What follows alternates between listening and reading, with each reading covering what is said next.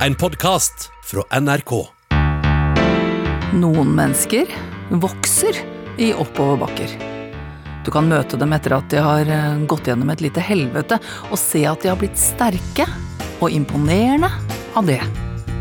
Er dette noe alle kan få til?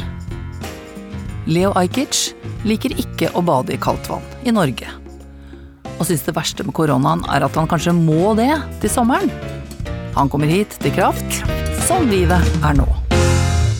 Men først så skal det handle om et langt sammensatt ord, hvor du tror at du hører feil på slutten. Det vi skal snakke om, nå må du høre godt etter. Posttraumatisk vekst. Nei, nei, ikke posttraumatisk stress. Jeg vet hva det er, det er ikke noe moro. Det jeg sier er posttraumatisk vekst. Karianne Vrabel, du er forskningsleder ved Modum Bad. Hva er posttraumatisk vekst for noe? Ja. ja, jeg skjønner at du spør, eh, fordi det er som om de to ordene posttraumatisk og vekst egentlig ikke henger helt eh, sammen. Fordi posttraumatisk er jo det at man sant, opplever noe som er skrekkelig på en eller annen måte. Ikke sant? En ulykke, en skade eller en katastrofe eller noe som er veldig vanskelig.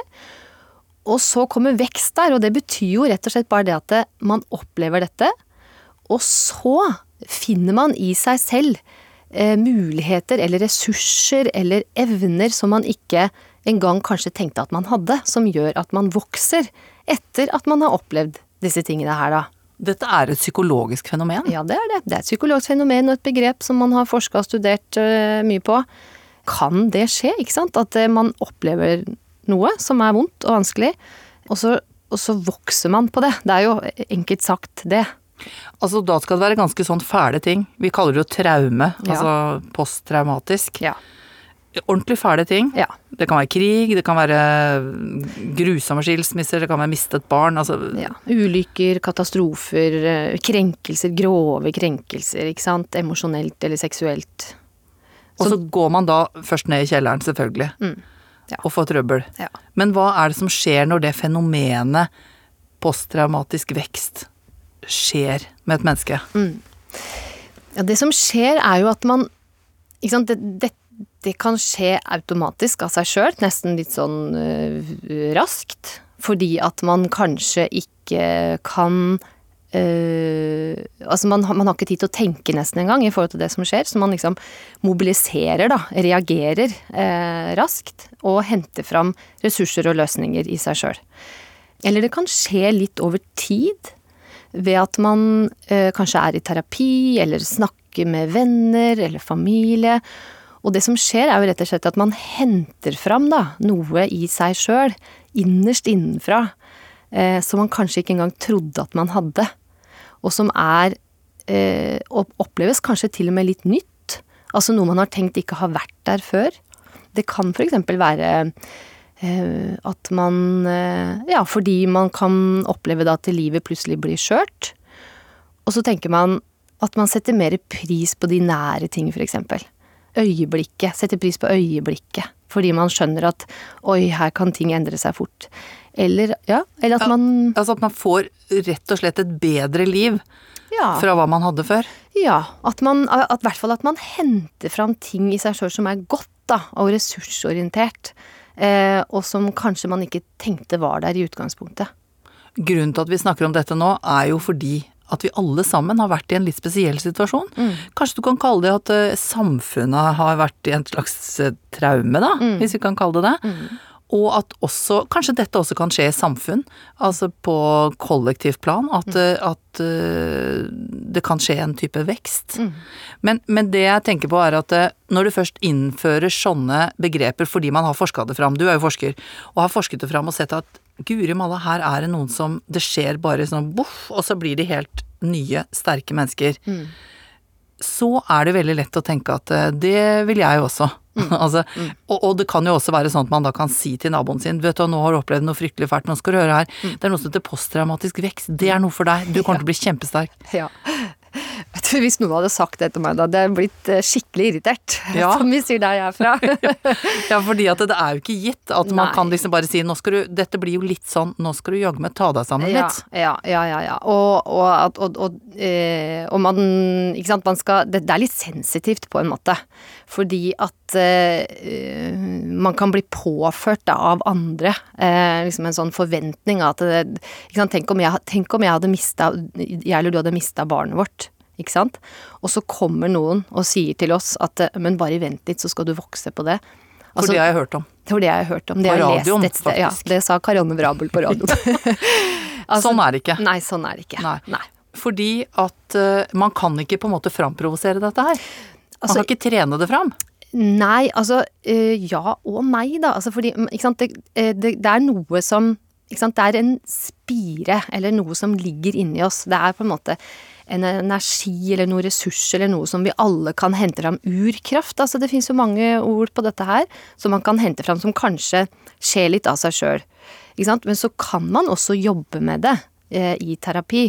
Eh, men da skjer det nærmest som et sånt biprodukt av at man jobber med det i terapi, da.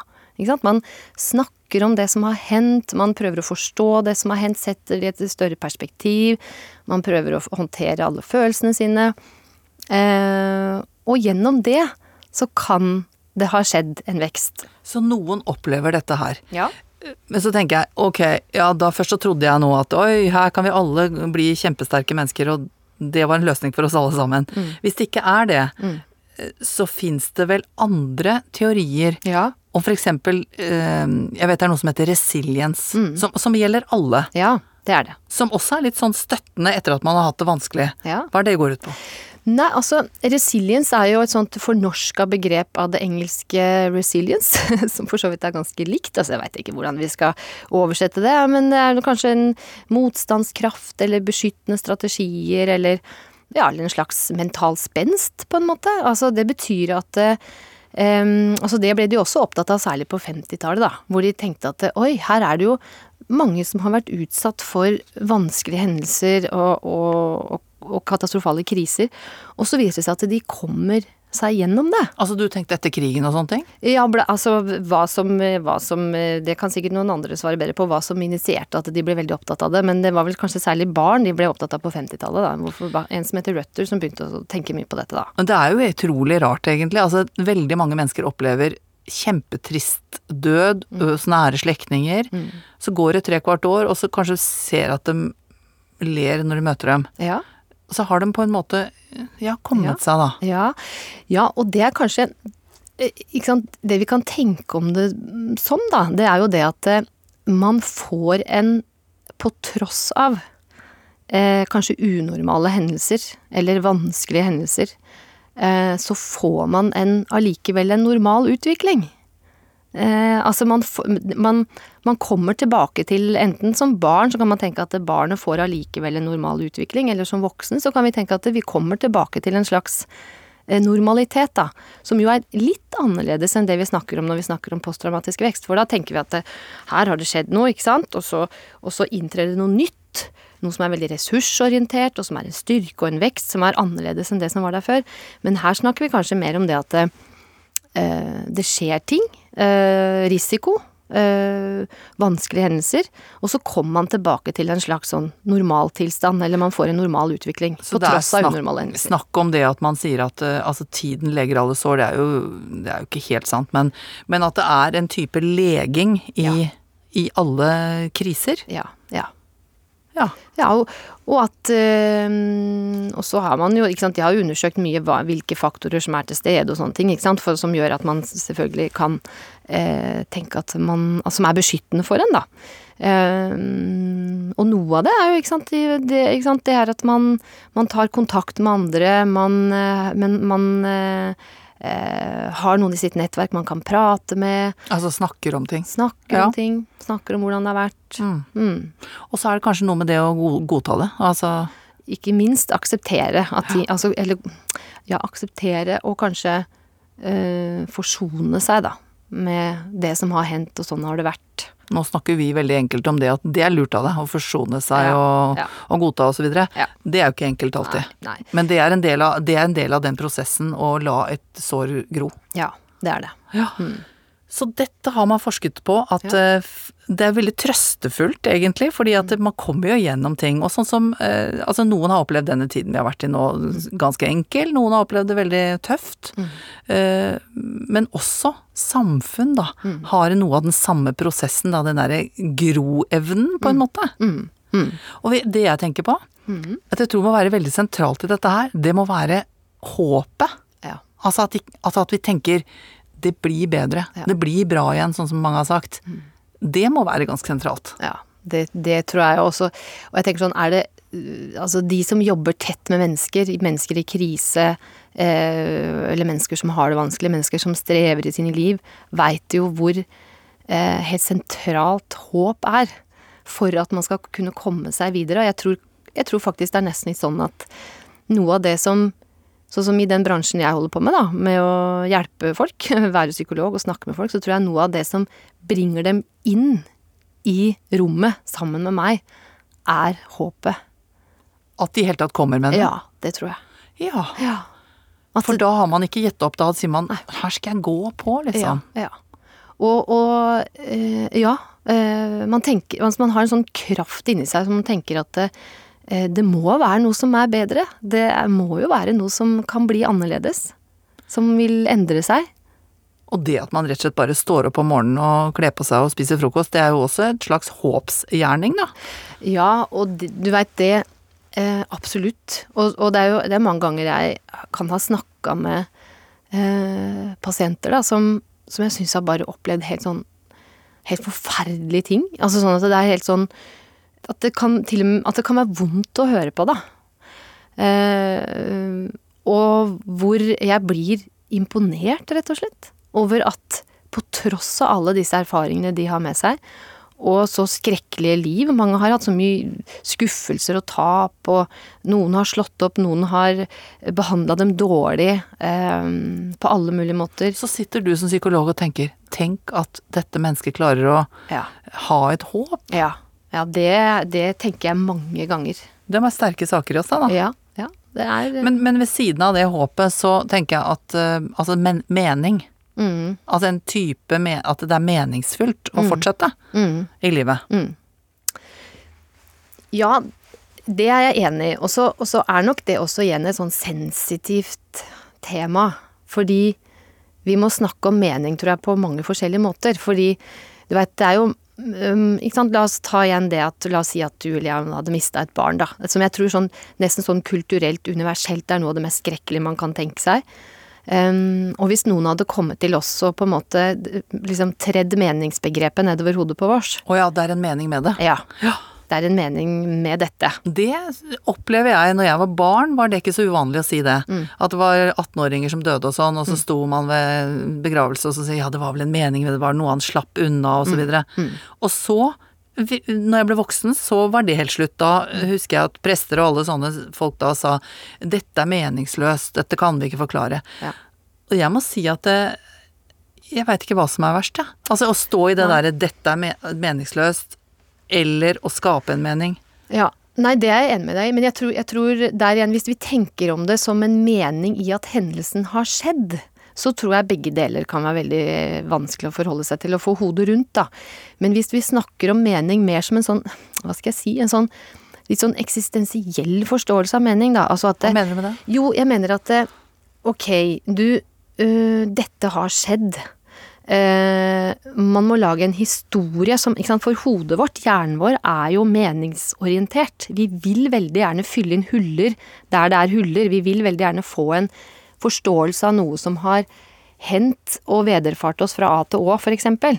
Sånn at det at vi kan skape en mening i at ok, denne historien, dette har skjedd meg, og dette har skjedd oss, jeg veit hva som skjedde fra A til Å, man fyller inn de hullene som man, eh, som man kanskje ikke husker ting, ikke når man ser veldig skrekkelige ting, så kan man fort glemme ting i ettertid, at man fyller inn hva som faktisk har skjedd. Går det an å tenke da på mening som eh, 'dette har hendt', nå er meningen å finne en vei? Ja. Det Kan det være noe sånn? det tror jeg. Og gjennom det så tror jeg kanskje noen også kan For Så kan man kanskje i ettertid tenke, hvis vi igjen skal ta det at jeg hadde mista barnet mitt, så, så kan jeg kanskje skape en mer mening etter hvert også selv innenfra og ut. Ikke sant? Ved at jeg tenker at ok, nå har dette hendt, det har hendt oss, det er trist. Og det er en klangbunn av at det er fortsatt eh, At jeg har sorg, at jeg syns det er trist, og at jeg lengter etter barnet mitt. Um, men at jeg klarer å se framover, da. Nå tenker jeg at det som ligger under det vi snakker om, Ja. Det er faktisk det evnen mennesket har til å vokse. Ja. Som Noen ganger så snakker vi om at eh, nei, de er ikke kjærester lenger, for de har vokst fra hverandre. Og det er jo det er en sånn ubønnhørlig utvikling i alle mennesker. Hadde du og jeg møtt hverandre for 20 år siden, så hadde vi vært annerledes. Mm. Det hadde ikke vært de samme menneskene. Den derre indre veksten, det er litt spennende. Ja, det syns jeg er kjempespennende. Det har jeg tenkt mange ganger på terapi, for eksempel. Eh, så kan jo vi terapeuter bli litt sånn ok, og så treffer vi kanskje den pasienten vi har hatt i terapi da, fem år etter, og tenker at oi, det har virkelig gått bra for denne pasienten. Den har det jo så mye bedre. Så, eh, så, så flott terapi vi klarte å få til. Så fine samtaler, på en måte. Eh, Der var jeg nyttig. Og så har personen bare blitt fem år eldre. Den har bare modna seg, på en måte. Så du kan ikke, du kan ikke Nei. skryte av deg sjøl, Nei, egentlig. vi, vi, skal ikke, vi skal ikke legge på oss mer enn det vi har uh, krav på. Men du, jeg tenker, tenker på det. Nå har vi snakket om altså, vekst, eh, erkjennelse, altså det å innse, det å godta. Det er ett element ved det. Forsoning har vi snakket om. Eh, Åpenhet, altså snakke om det. Men så tenker jo jeg også det, altså i vekk for at man skal vokse. Det finnes noen synkehøl her òg, tenker jeg. Noen sånne eh, myrhøl hvor du kan ta forslagsstøvelen nedi, liksom. Og det er kanskje bitterhet. Ja. Det er en av de, ja. Det, vet, det er jeg enig med deg i. Det tror jeg. Ja. jeg tror, mm. For du vet, det finnes mange nok av, av muligheter til å flykte fra oss sjøl, eh, og ikke forholde oss eh, til ting. Og bitterhet er en av de. Fins det noe mer, da? Ja, eh, selvmedlidenhet vil jeg absolutt eh, påstå er det. Altså? Altså å bli et offer. Ja.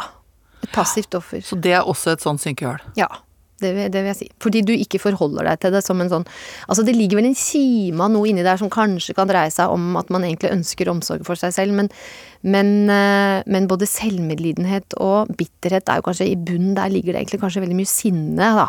Over ting har, at ting har hendt som det har hendt, og så forholder man seg ikke helt til det. Så sinne er ikke et uh, synkehull. Nei, Nei. Ik ikke så fremt man forholder seg til det og, og, og tar ordentlig tak i det, på en måte. Men hvis vi skal avslutte den samtalen da og si hva kan være planken over det hølet? Altså du ser jo for deg et myr, ikke sant, så er det litt for vått. Ja. Altså hvis du skal legge på en planke da, Ja. for å ikke falle ned i det, ja. hva er det?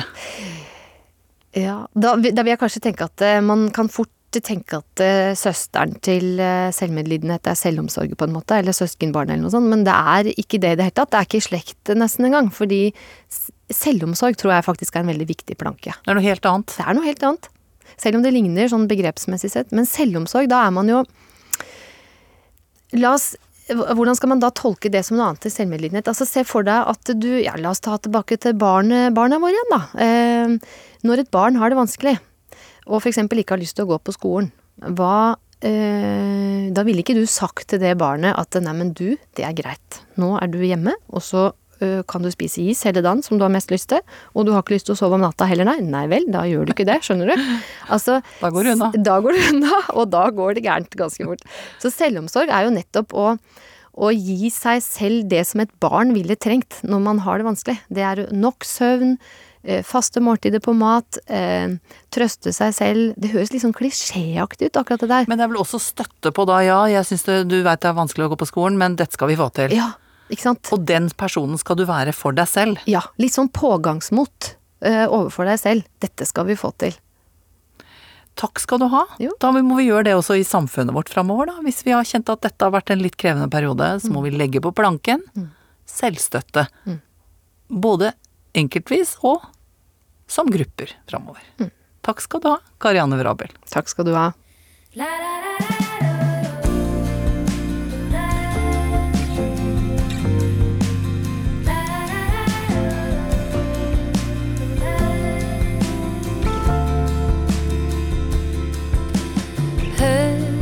at vinden banker på. Den vil du skal forstå at det gjelder deg. Se at lyset slipper inn og blender dagen din.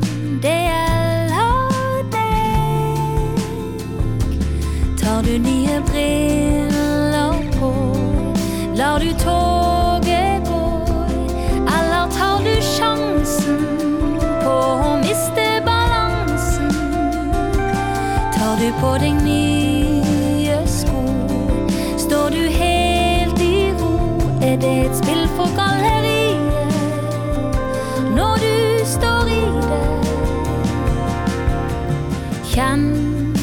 stryker i ditt hår og gir et glimt av vår.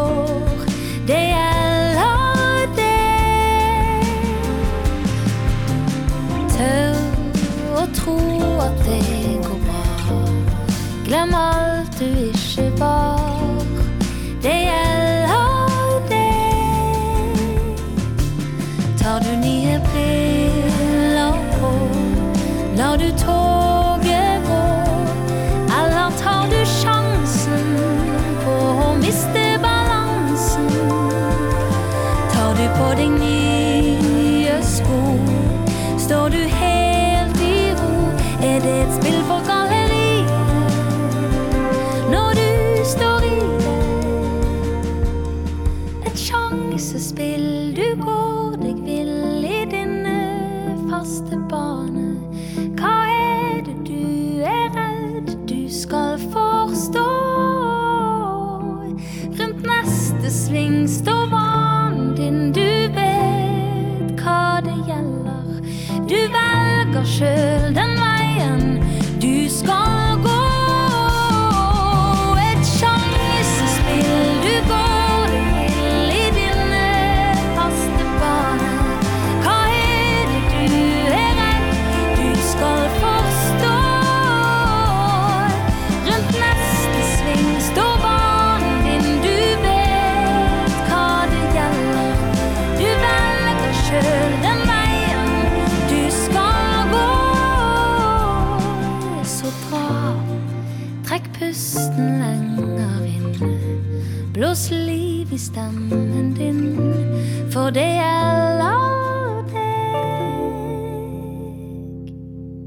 Det gjelder deg, Marte Wang.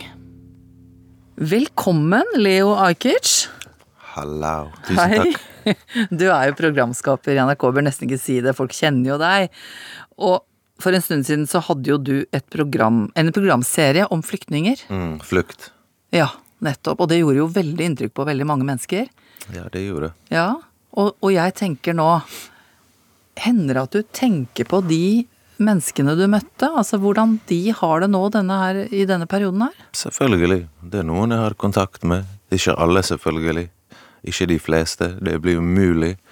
For at det er ofte liksom Jeg glemmer en lang stund at jeg har truffet noen, og så ser jeg noe i media eller et eller annet sted som minner meg om en episode eller ett menneske, og da lurer jeg på hvordan det går med de eller et eller annet. Men mange har jeg kontakt med. Både de som jeg har jobbet med, og folk bak kamera, på en måte. Så det, det er mange folk fra hver episode, på en måte, som I hvert fall Facebook-venner, sant. Men jeg tenker på eh, slekt og venner i hjemlandet ditt, Bosnia. Har du kontakt med dem? Det, definitivt. Hvordan ser- er det i Bosnia nå, da? Det er litt mer innstrammet enn her. Det er ikke sånn selvkarantene her. For det er mange som ikke bryr seg om selvkarantene. Det ser vi her med en gang det er fint vær. Når det er dårlig vær, selvfølgelig folk respekterer selvkarantene i Norge. eh, Spesielt på Grünerløkka. Men når det er fint vær, så respekterer ikke folk selvkarantene. karantene. Og da kan noen dø.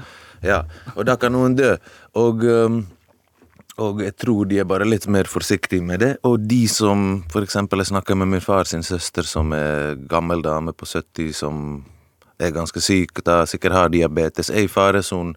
Men da vet hun det, og hun har Hun må være ekstra forsiktig, istedenfor at de unge må være ekstra forsiktige, på en måte. Men mange ting er stengt ned, og det er mye arbeidsledighet fra før av, og nå blir det enda mer, på en måte, og det bekymrer jo meg, sant. Så hva Det er jo Ja.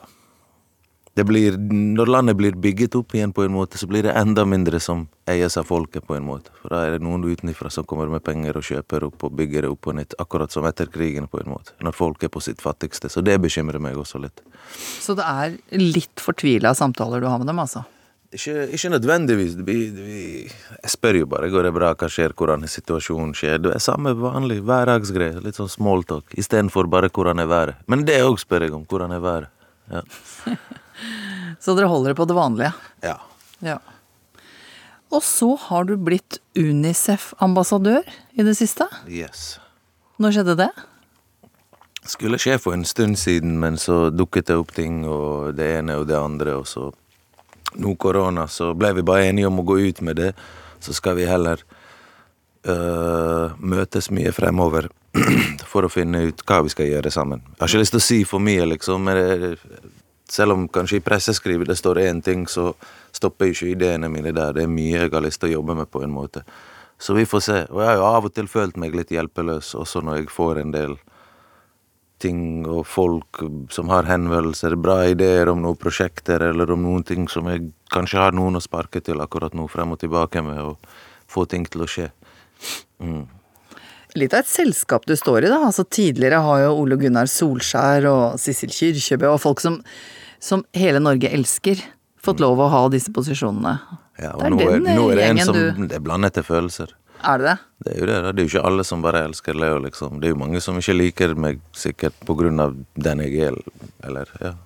Kanskje nå i dag flere elsker Solskjær, men tenk på alle de rivaliserende lagene han danket ned til førstedivisjon eller ut av kuppen eller et eller annet. Kanskje de hatet Solskjær, mann. Og alle du- de mennene som mistet håret tidlig, kanskje, som så at han hadde tjukt, krøllete hår. Ikke vet jeg.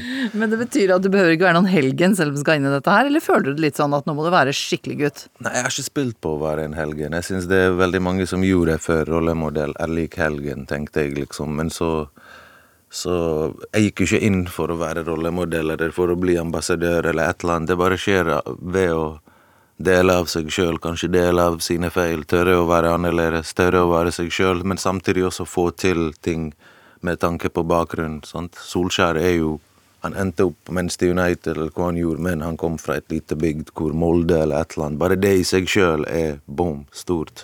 Men er du redd for at du skal bli for snill, liksom? At det skal bli for pent og pyntelig alt sammen? Uh, livet har jo masse forskjellige scenarioer, sant. Jeg, jeg vil ikke låse meg sjøl bare i politisk korrekte scenarioer jeg snakker om flukt og flyktninger og politisk korrekte ting, og jeg, jeg liker jo humor, jeg liker å kødde, jeg liker jo kontroversielle ting, jeg liker Du har lyst til å skrike altså, ut De sånn beste som samtalene med folk har jo jeg med de som er litt sånn på kanten eller annerledes, eller det er da jeg har ekte nysgjerrighet for å finne ut hvorfor de har endt opp Eller hvorfor de har tatt noen valg. Eller du skjønner pointet mitt. Mm. Sant? Så du kan jo bli dratt inn i en sånn derre Tvunget opp, opp på en pidestall, altså og bli en slags sånn derre Oi, han står for de alle riktige tingene og alle de politisk korrekte tingene. Kanskje det kan Noen kan ta meg fra én ting og tro det er kun det jeg driver med, men hvis du ser på karrieren min, så har jeg gjort mye forskjellig. Jeg har jo lagd mye forskjellig, syns jeg, som beviser at jeg ikke bare er en sånn sånn og sånn. Jeg har ikke puttet meg sjøl i en boks, og jeg har ikke planer om å gjøre det heller, og da må jo man ut av boksen av og til, sant? Og nå er du i gang med et prosjekt om eh, folk Altså om rus. Ja. Kan du si noe om det, eller? Jeg, jeg kan ikke si for mye, for jeg har ikke lagd Det er jo blitt litt amputert på av korona. Sant? Det er jo ikke De planene vi hadde, og de tingene vi gjør, er jo ikke det samme. Så dere har måttet legge om hele Ja, vi, må jo, vi må jo det. Alle må det i dag, føler jeg nesten. Så, sånn er det, liksom. Vi skal ikke gråte over det, men, men sånn er det. Du, av og til har du store drømmer, og så av og til har du store ambisjoner, og så må du eh, ja, jekke det litt ned, da. Men eh, ting er bare litt sånn på vent. Jeg håper å ta opp igjen alt, og hvis folk respekterer det, disse greiene og reglene, og ja, hvis vi gjør det riktige, og finner ut hva det riktige er sammen, så kommer vi fort ut av det, og så, og så er vi tilbake, liksom. Fikk du noe inntrykk av, altså i starten av dette prosjektet, da, før det liksom gikk litt i stå, eh, hvordan det er å være rusavhengig i denne tida? Det Det er ikke så lenge siden jeg var ute på gaten med en organisasjon, det er ikke vits å nevne hvem, kanskje gjorde litt research for jobben min for serien min og snakket med folk og Det er jo mye ting som skjer, og det er jo ganske hardt for de som allerede har det vanskelig. Jeg tenker hvis du er avhengig av Ja, det, det gjelder ikke det med selv... Hva heter det?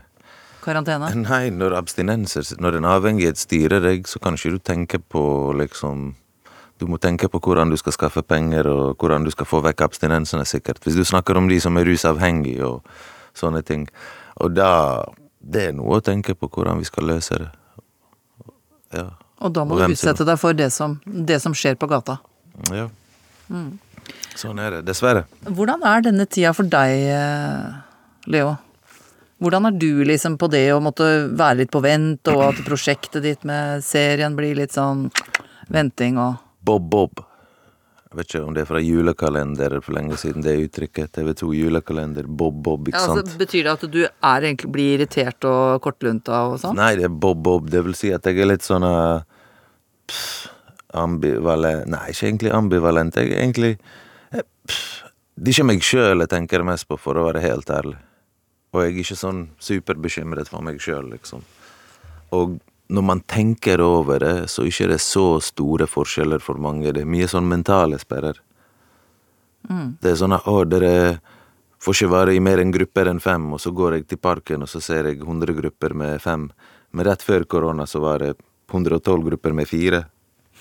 Eller whatever. Det er jo ikke noe sånn Altså Så du syns ikke at det gjør så mye med livet ditt, egentlig? ja, ja, og så for, for en del folk For det, du kan jo gå ut, ta deg en løpetur. Selvfølgelig en del ting er annerledes, men du kan gjøre uten noe Du trenger ikke bare sitte hjemme og se på TV liksom og kjede deg. Det går an å gå ut, ta seg en luftetur. Det går an å fikse en del ting. Ordne opp i regnskapet. Det fins en del oppgaver, sikkert. Men hører du liksom prater deg litt opp nå og sier liksom at ja, nei, jeg kan gjøre sånn, jeg kan holde på beredskap, jeg kan gjøre Jeg må greier. holde meg litt opptatt, jeg. Ja, for det ja, for det er det jeg lurer på om du egentlig er litt Du blir litt fedda på og irritert av dette her? Litt. Det er jo en del ting, selvfølgelig, men det er jo ikke sånn Det er jo ikke Hva skal jeg si? Livet mitt er ikke snudd opp ned på hodet, Nei. liksom. Det er jo ikke det. Jeg jobber jo med en del musikere, og de må jeg si det går skikkelig utover.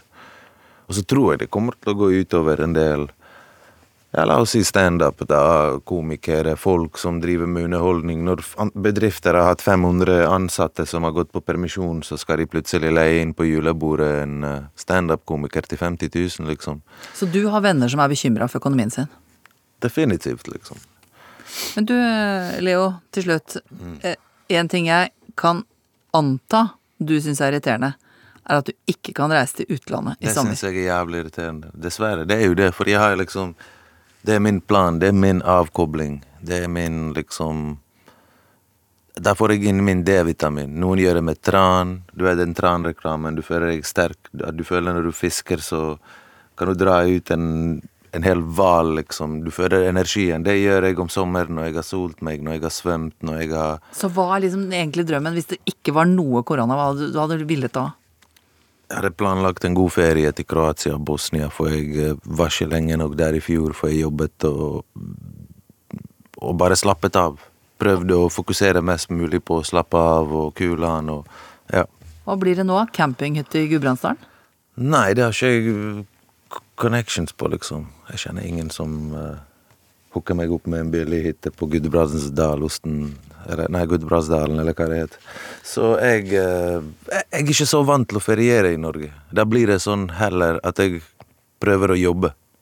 Prøve hjemme, bare. Ja, for det er jo litt dyrt å feriere i Norge, for å være ærlig. Jeg vet staten anbefaler alle til å feriere i Norge. Come on, det er mange som ikke har råd til det. For, for 2000-3000 så kan du få sånn tur til Mallorca med hotell og sånn. For 2000-3000 du kommer deg ikke Du må gå av andre stopp på Melkerud videre, for Du rekker ikke helt til femte stoppet, liksom, og så skal du sjekke ut Lakselv og kjøpe deg eh, burger der til 120 Nei, Men du skjønner hva jeg mener, liksom.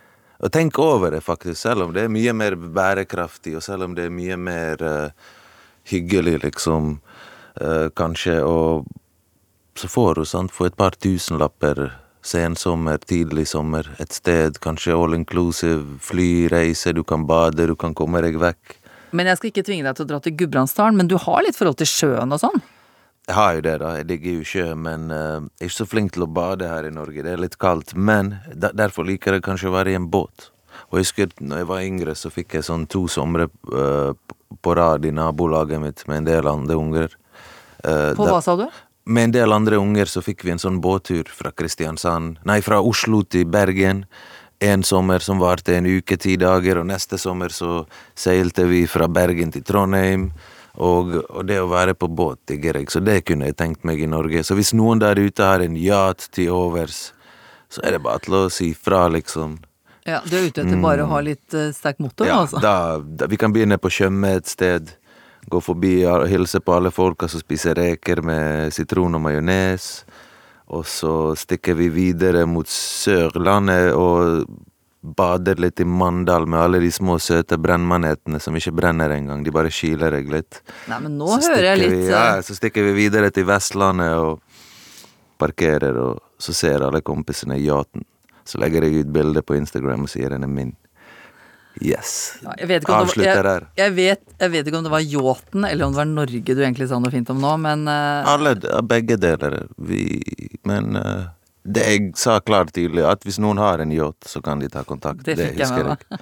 Mm. Så nøden tvinger jo den nakne damen til å Hva heter det? Spinne eller kle på det seg, whatever. Så det blir jo Hvis du kjeder deg og du blir låst inne, så blir du kreativ til slutt. sånt. Så finner man på ting.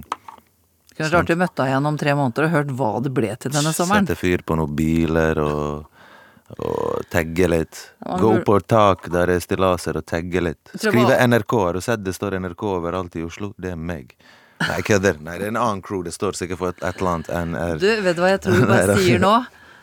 Håper det blir en skikkelig god sommer for deg, Ja, Leo. Ajkic. Takk for at du kom hit til Kraft. Tusen takk.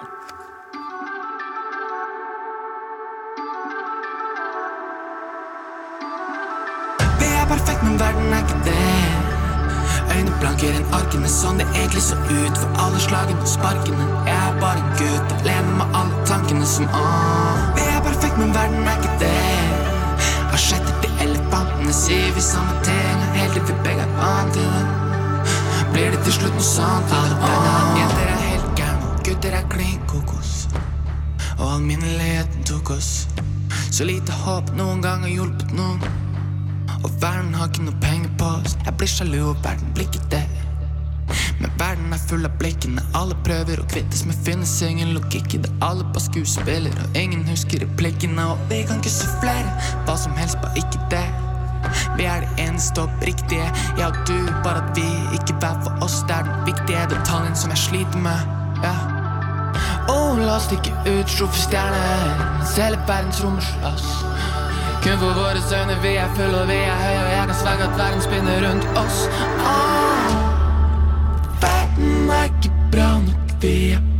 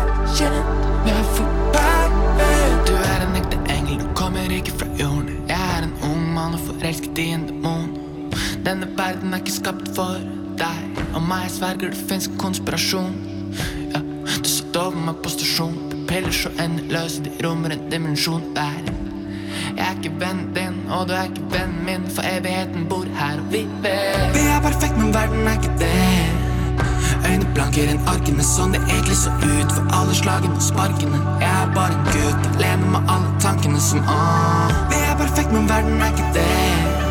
Asjetter til elefantene, sier vi samme ting. Helt til vi begge er vant til det. Blir det til slutt noe sånt til det ah. Verden er ikke bra nok,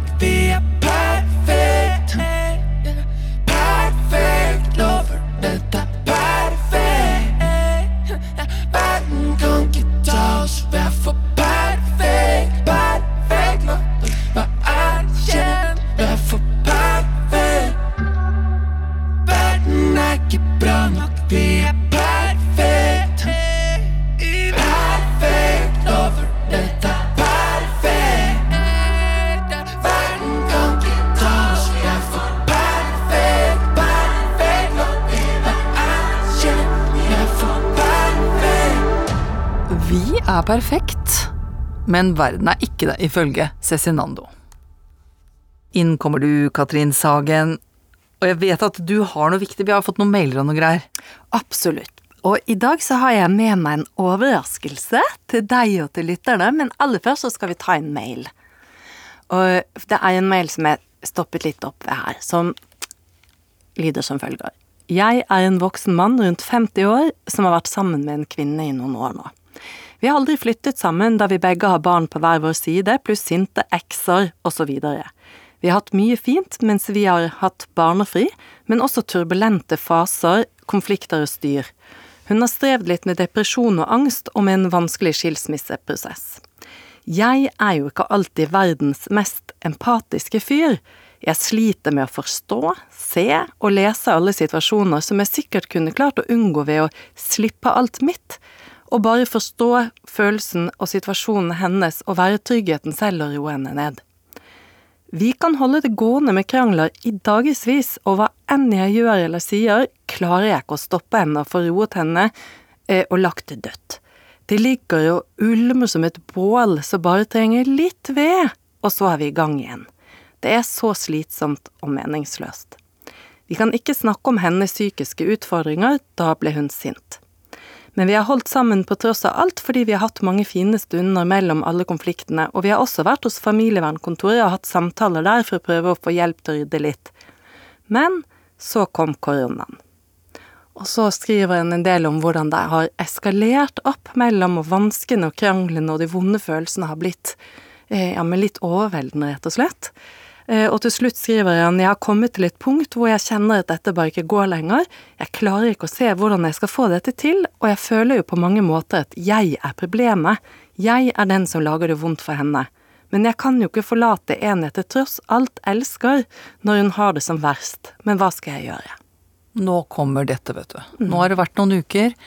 eh, Så har man kanskje slitt i forholdet på forhånd, og så er det eskalert. Og så blir det fullt hos familieterapeutene rundt omkring. Mm.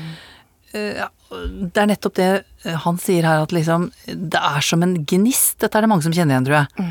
Skal liksom ikke noe til. Det går liksom sånn akkurat, og så er det det derre Plutselig er det fyr på bålet. Og så liksom flammer det opp, og så Ja. holder det gående lenge, sant. Jeg, det er vel noe med det, Katrine, at når det begynner å skje liksom nesten dagstøtt, da begynner det å bli mye. Ja, ikke sant. Da er det som det vi mange parterapeuter kaller at man blir fanget i på en måte en slags scene som bare spilles opp igjen og opp igjen og opp igjen. Der så det samme blir sagt, og den samme klumpen i magen kommer, og det tar liksom ingen ende. Hva var det dere kalte det, sa du? en, en grunnscene, eller en scene, som, litt som fra teaterspråket, da, sant, som bare spilles om og om igjen på denne. Det er sånn og Så var vi der igjen. Ja, helt riktig. Sant, så det høres ut som at disse virkelig er fanget av det. I tillegg så er det masse greier som foregår rundt dem som er vanskelig og uoversiktlig. Så, så det høres jo sånn ordentlig vanskelig ut. Jeg tenker at det er så vanskelig for begge disse to. Og så er det jo litt som han forteller her, at det er mange som syns at det å være pårørende, at det, at det er vanskelig å skulle si at ja, men jeg strever i det, for det er jo den andre som på en måte har de psykiske vanskene som strever mest, og da er det ikke plass til at jeg kan si at jeg som pårørende syns at det er vanskelig. Så du mener at man er litt pårørende fordi at den ene strever litt i livet sitt? Ja, det er vanskeligere, sant. Det, det er klart at det eh, påvirker begge to, eller hele familien, egentlig. Men du, er man ikke eh, Man sier jo det, liksom du er kjæreste, du skal ikke være pårørende, eller du skal Eller man sier vel du skal ikke være terapeuten, du er kjæresten. Men man er vel egentlig lite grann terapeut for hverandre i et kjæresteforhold også?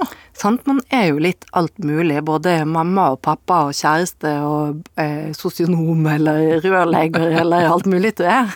sant, så det at, eh, men, men det er klart at hvis noen strever mer enn vanlig, så det virker her, sant, så, så, så er det jo folk som er utdannet for, for å hjelpe, og det er lurt å oppsøke hjelp, Um, og også kunne skille det litt ut, så man ikke hele tiden krangler om de tingene, og det at det er så sårt å ta opp og vanskelig å vite hvordan skal jeg fortelle, fortelle at jeg at jeg blir tung når du er lei deg, liksom, for eksempel. Så det er jo mange sånne lett å forestille seg at det er vanskelig for disse å snakke om det som, er, er, som de strever med. Og jeg jeg vet jo ikke hvor langt. altså Av og til så er det jo som at man bare ikke orker mer, og vet at man vil gjøre slutt. sant? Andre ganger så er det mer at man bare er helt utslitt og ikke skjønner Hvis vi har det sånn som dette, så kan vi i hvert fall ikke leve sammen. sant?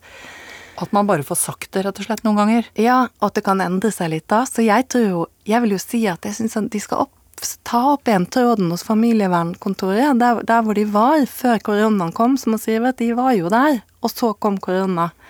Ta opp tråden. Nå begynner det å åpne seg opp igjen. Nå begynner det å åpne seg opp igjen, og familievernkontorene er oppe. og Ja, så det var jo ikke tull det jeg sa, Katrin, at nå kommer det til å fylle seg opp. Neida. Men, men du, jeg har lyst til å si det derre eh, Litt mer om det derre eh, Jeg skal jo ikke være terapeut, jeg er jo kjæreste-greiene. Mm. For kan det være noe her med at ja, du er litt terapeut og litt andre forskjellige ting. eh, At det er noe med vektinga. Altså at man kjenner på en eller annen sånn vektskål og eh, hvor mye kjæreste skal man være, og hvor lite terapeut, liksom? Hva mener du om det?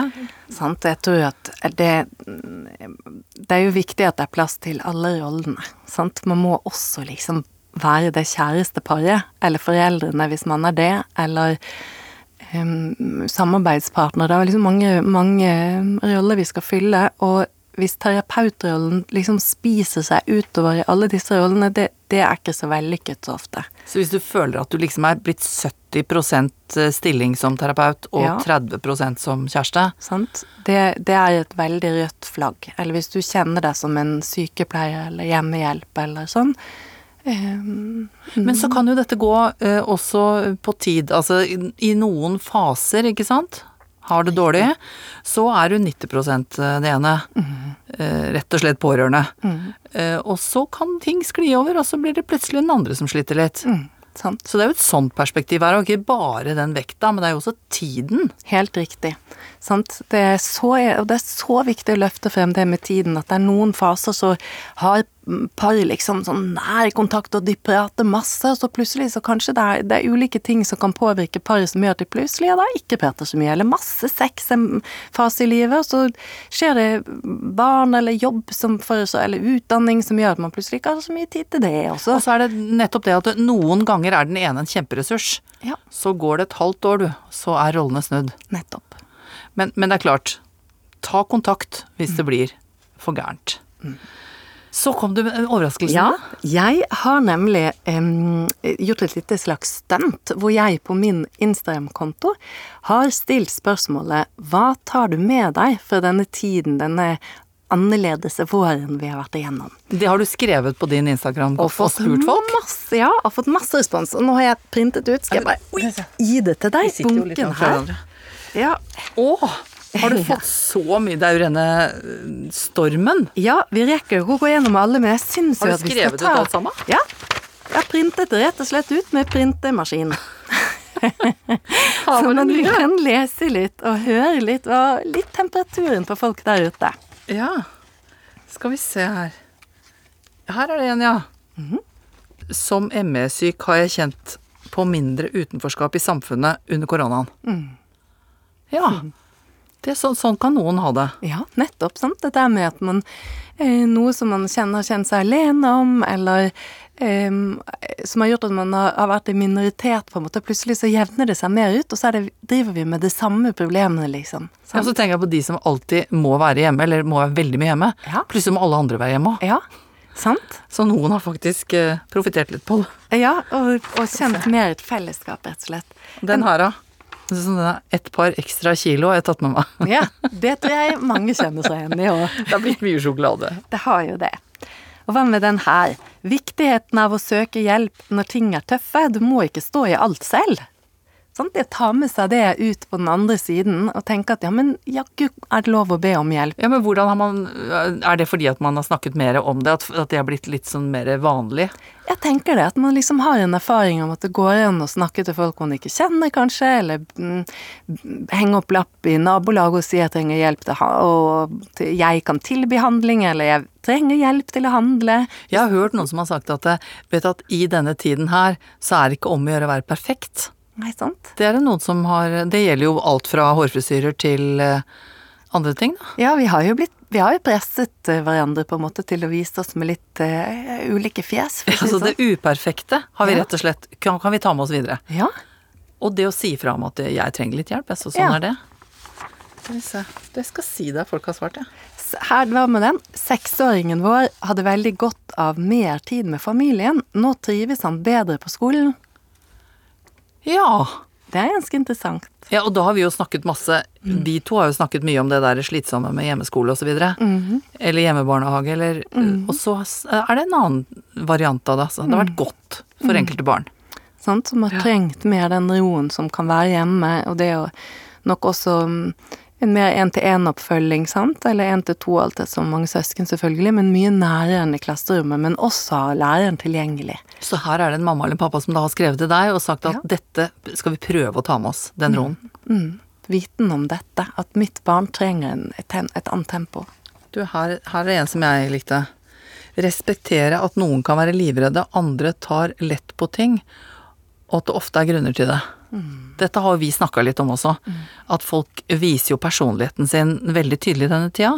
Og da tenker jeg det, altså, ikke sant, respekt for det. Ok, du vil ikke bli min, eller ok, du har med deg din egen mat, eller ok, du er ikke så nøye på noen ting. Altså, vi er veldig forskjellige.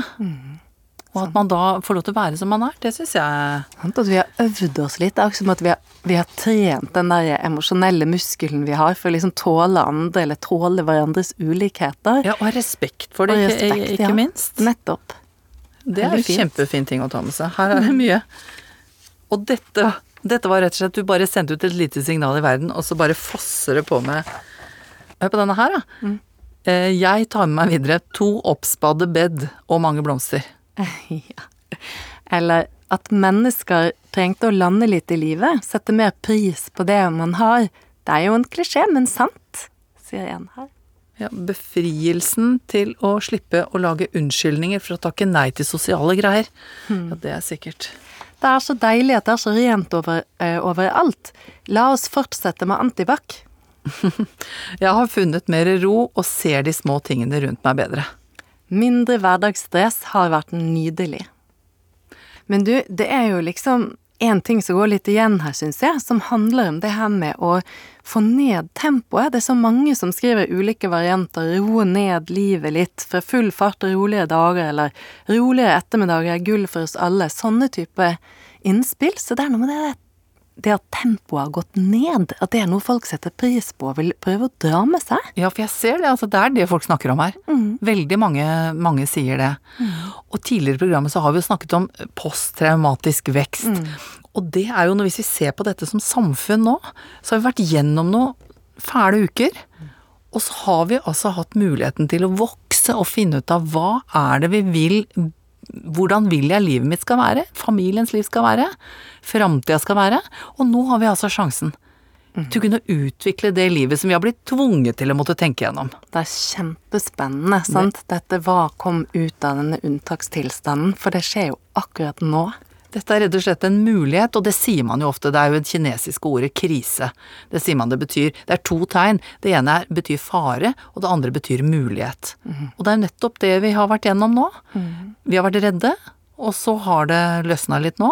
Og så nå har vi muligheten til å ta av litt, og, og sørge for den framtiden vi egentlig ville ha. Kjempefint å ha vært sammen med deg i seks uker her i studio. Katrin Sagen, psykolog og parterapeut. Hva er tillit? Det har jeg tenkt på de siste månedene. Da Bent Høie, som jeg knapt hadde gjenkjent hvis jeg så ham på gata rundt juletider, plutselig sto der, på TV, en kveld i mars, og sa at vi alle kom til å gå gjennom en krevende tid, men at vi sammen skulle komme oss gjennom det. Da han sa det, så trodde jeg på han. Og kvelden etter så var han der igjen på TV-en. Og kvelden etter Nesten som en far som lukker forsiktig opp døren til barnerommet idet du holder på å sovne. Bare for å hviske god natt, sov godt, alt blir bra. Å bygge tillit er en langsom prosess. Hvis bjørnen er redd for å komme ut av hiet om våren, nytter ikke å møte opp én gang og skrike inn i åpningen Nå må du sannelig se å pelle deg ut av det dumme hiet ditt. Nei, tillit er noe som skapes over tid. Og Bent Høie har ikke funnet opp selve tilliten denne våren. Den har levd som en ting mellom oss fra generasjon til generasjon, uten at vi nesten har lagt merke til den. Men når vi nå plutselig har fått øye på den, fordi vi trenger den, og ser den mange steder, så har vi blitt opptatt av å ta vare på den. Tillit er som en verdifull surdeig, noe vi med omtanke og kjærlighet kan holde ved like og bruke. Vi lærer stadig nye generasjoner å stå der og bake ut mer trygghet og mer likeverd. Og surdeigen tar ikke slutt. Vi pakker den forsiktig sammen, hegner om deigen så godt vi kan. Fordi vi da vet at den kan tas fram når vi trenger den igjen.